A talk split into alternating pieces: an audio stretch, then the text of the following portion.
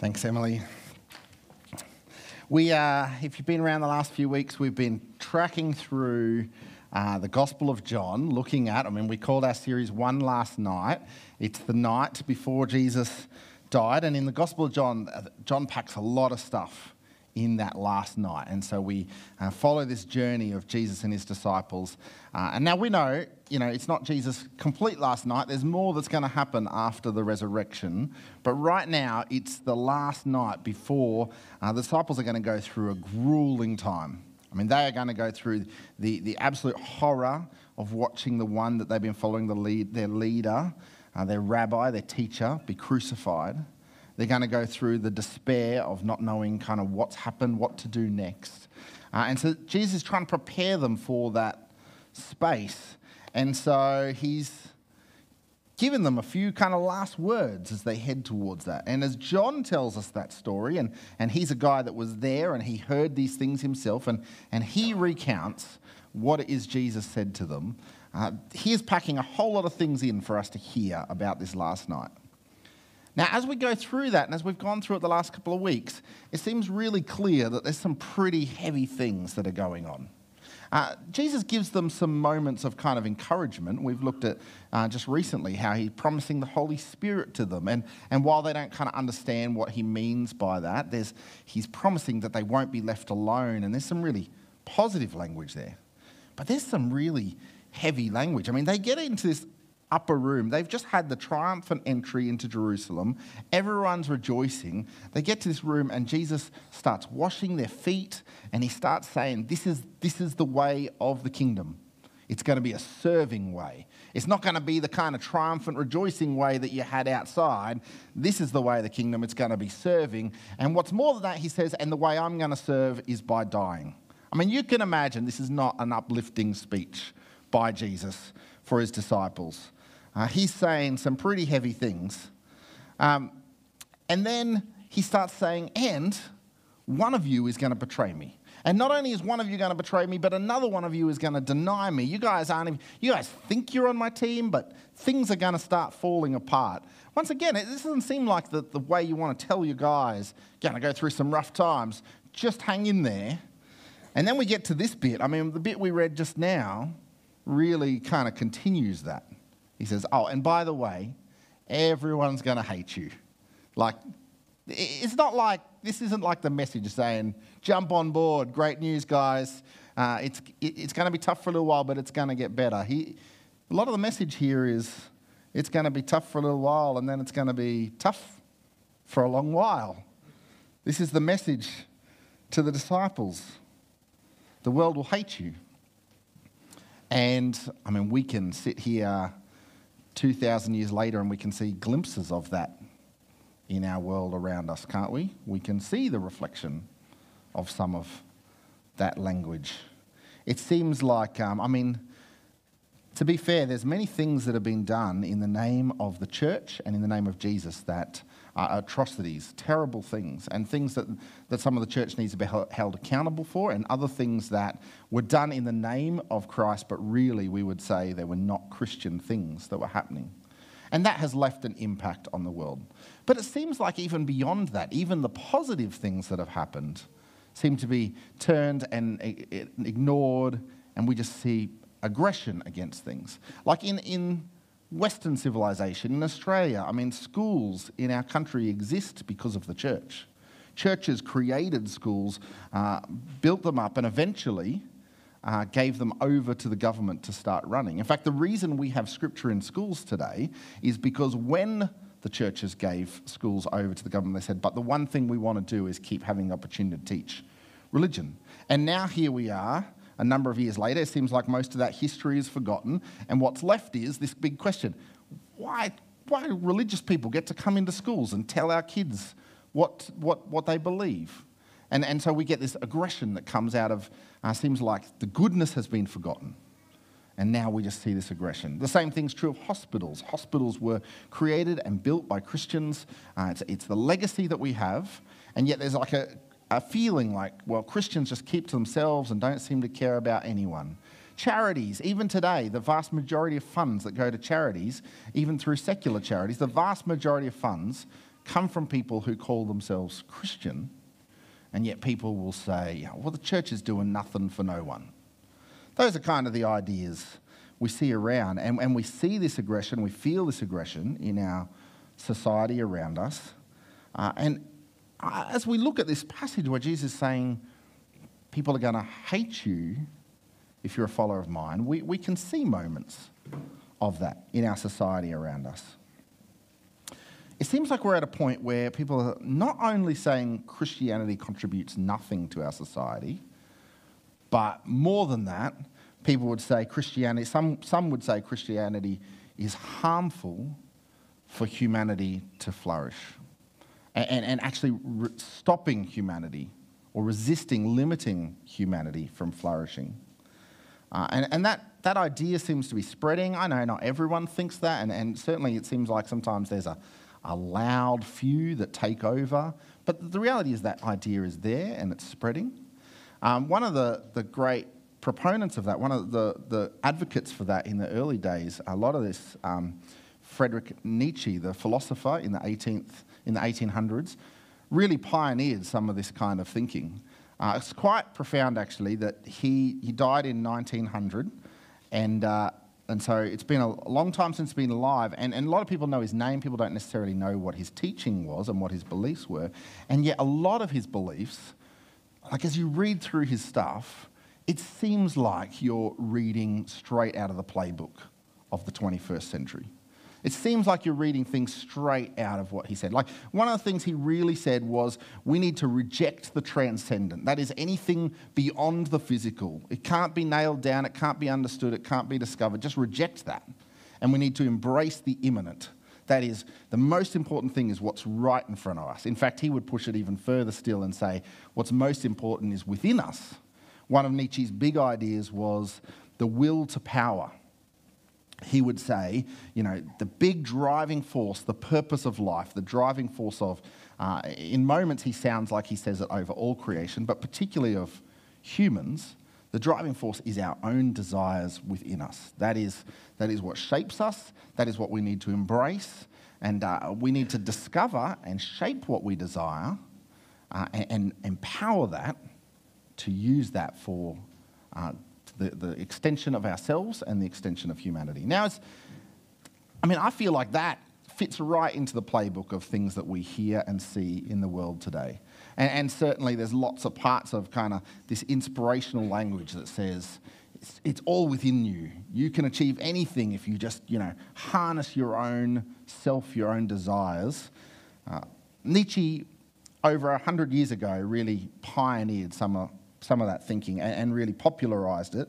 Uh, there's a lot of controversy over it, but it, it, has continued to kind of bubble away and affect uh, and shape our world even today. And so, as he, uh, throughout his life, uh, these things seem to grow in Nietzsche to a very strong uh, uh, dislike for religion, for Christianity in particular, and towards the end of his life, a real hatred for Christianity because it, it, went right against kind of what he fundamentally felt like was the, the driving force of humanity.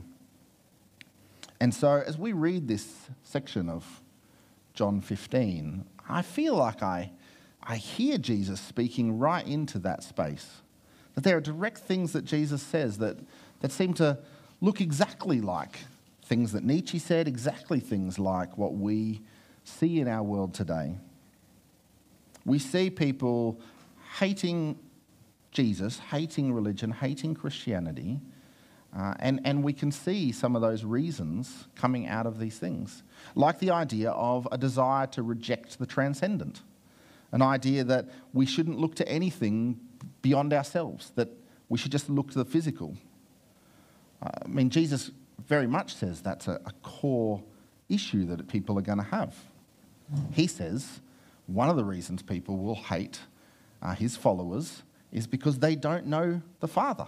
They don't know God. They reject God, and that's why they hate his followers. Uh, we read it in verse 21 They will treat you this way because of my name, for they do not know the one who sent me. Not knowing God uh, res- results in this kind of rejection of his people. I often find it kind of strange thinking about people who, um, particularly evangelical atheists, are not, evangelistic atheists is the word, atheists that want to spread the good news of atheism. I find that quite strange idea. Because um, on one level, it just seems strange that if, you, if you're convinced there is no God, then what is the motivating force to making sure others think there is a God? Now, maybe I sit on the other side of the fence and, I, and maybe that's it, but I can see really clearly if you believe there's a God who offers a Saviour, then you want to offer that message of salvation. But if your message is there's no Saviour, there's nothing, what is the motivation there?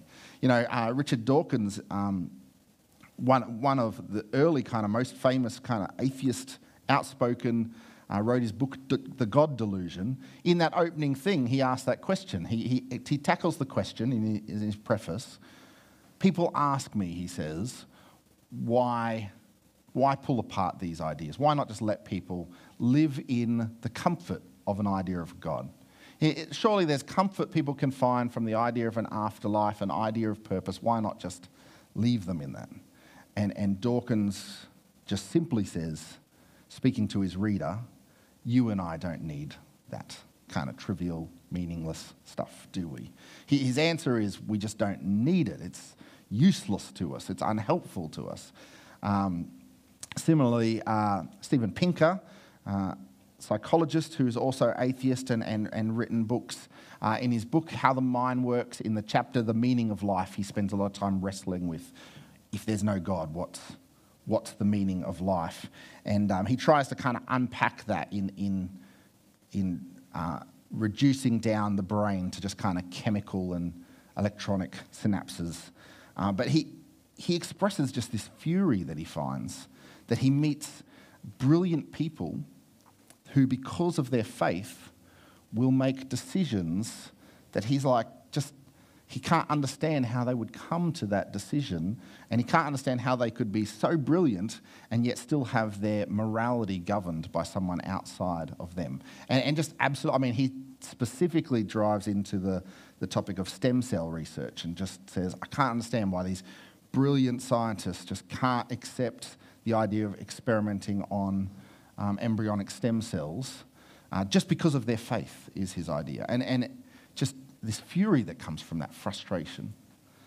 I find some of that strange, but we see that happen. We see that people that don't know God result in an aggression against God. In, in some cases, we see this kind of hatred come out against God, against Christians. People who, Jesus says, don't know my Father, that will be a, a force for opposition. Jesus says, uh, also, Christians are called to something beyond themselves. If, we re- if the idea is we reject the transcendent, the call of Christians is to embrace the transcendent because our calling is exactly that. This is what Jesus said in, in verse 19 If you belong to the world, it would love you as its own. As it is, you do not belong to the world, but I have chosen you out of the world. That is why the world hates you. As you read that, this almost feels like an air of superiority. You know, Christians are called to something beyond this world, and isn't that make us something better? But I think as we stand and look at what Jesus' real teaching is going on, even in this, these conversations in this section of John, the calling that Jesus gives his people is not a calling of an air of superiority, but a calling of servitude. The message with the washing of the disciples' feet is serve, love looks like serving each other. And for Jesus himself, that very act of service is going to result in sacrificial death. That's what's going on here. So the calling that Christians are given are not something to place them above everyone, but a place to put them underneath in serving and desiring to love people in that way. And in that way, we pursue something that is transcendent of ourselves. We pursue a purpose beyond ourselves. And there are many that would find that difficult and would oppose that idea that we could dedicate a life to something beyond ourselves. And it will raise opposition to Christianity. So there's opposition because, we reject, because people want to reject the transcendent. There's opposition because people want to embrace the immanent, in particular, ourselves. this is really the, you know, one of the core things for Nietzsche's thinking. Um, Nietzsche overall rejected the concept of temptation. Not, it, it's nuanced in his, in his ideas, but uh, the idea of temptation is that there's desires within us we should resist. Uh, Nietzsche would say, no, there's desires we should harness. That is, uh, in his nuanced um, idea, he would say there's an extreme, you need to avoid the extreme, but he would say at its core, we need to harness our desires. That is where our purpose is going to lie. That is where our, um, where our um, increasing of humanity is going to lie. It's going to lie in this embracing of our desires. And the desires are the key to our success. But as we read the Bible, we see this picture that says God is in control. And that if God is in control and He is all knowing, then He must know things about how we should live that we don't know. And so the key to success actually is going to be to follow His good will for our lives. This key to success is actually going to be at times to deny our own desires, trusting that what God wants for our lives is what's best for our lives. And so Jesus says one of the ways, one of the reasons the world will hate him and his followers is because he calls for people to repent of giving in to our desires.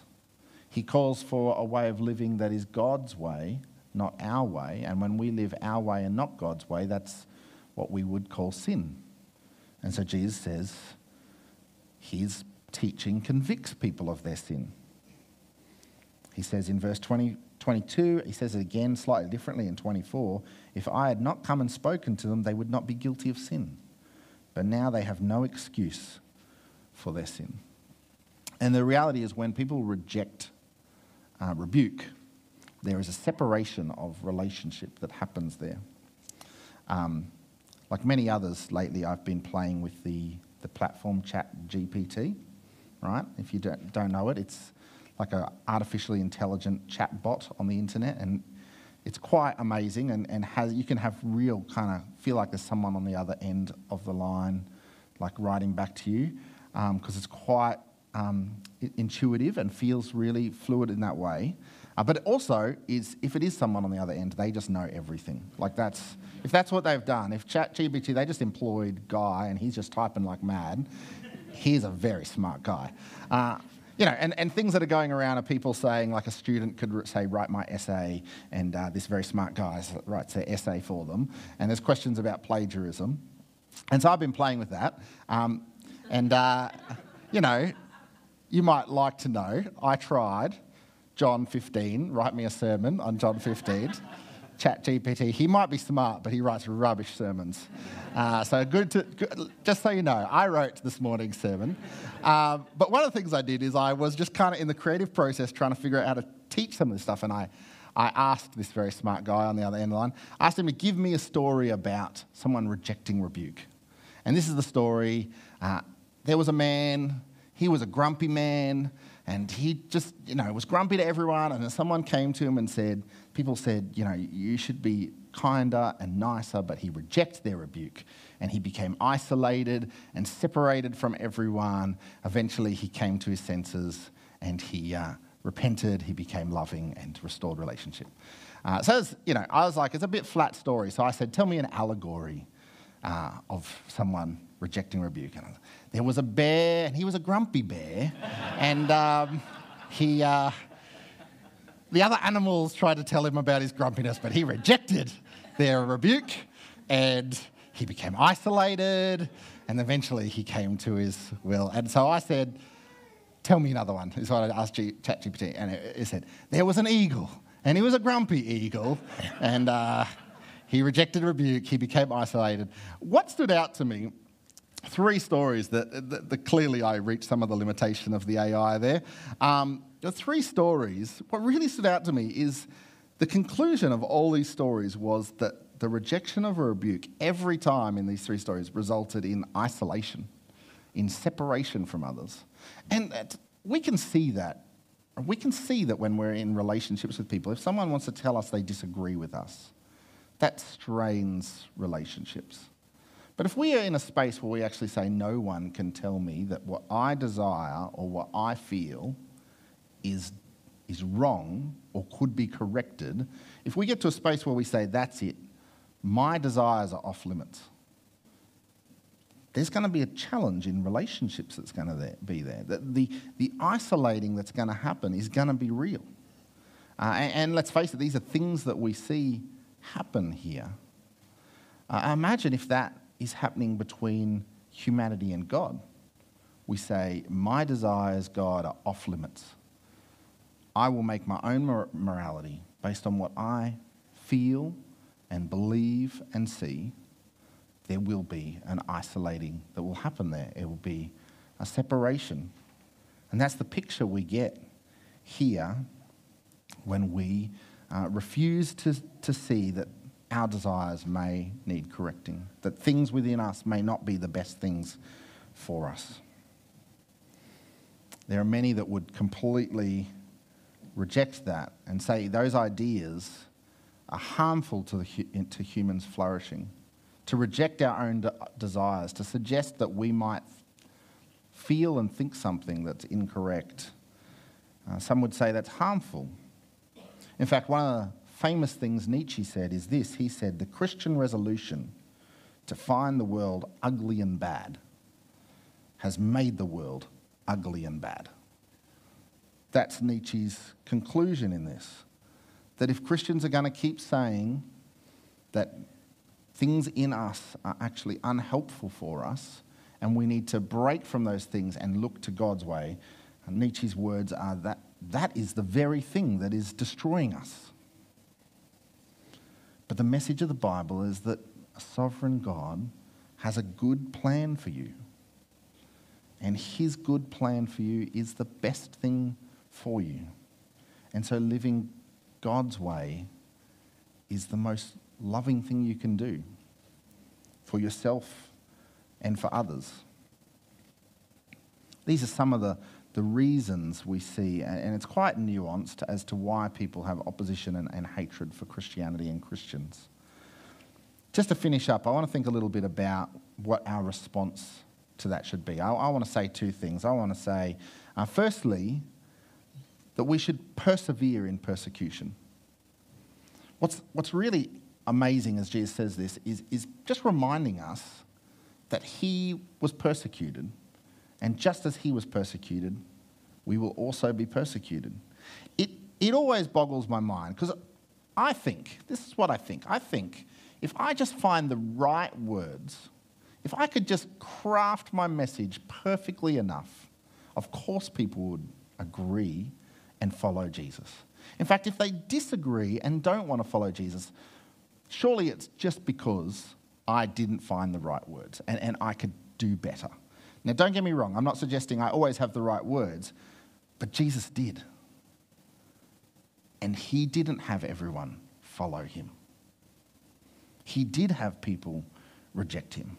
I think if I could just love people perfectly, then they will see God's love and they will receive God's love.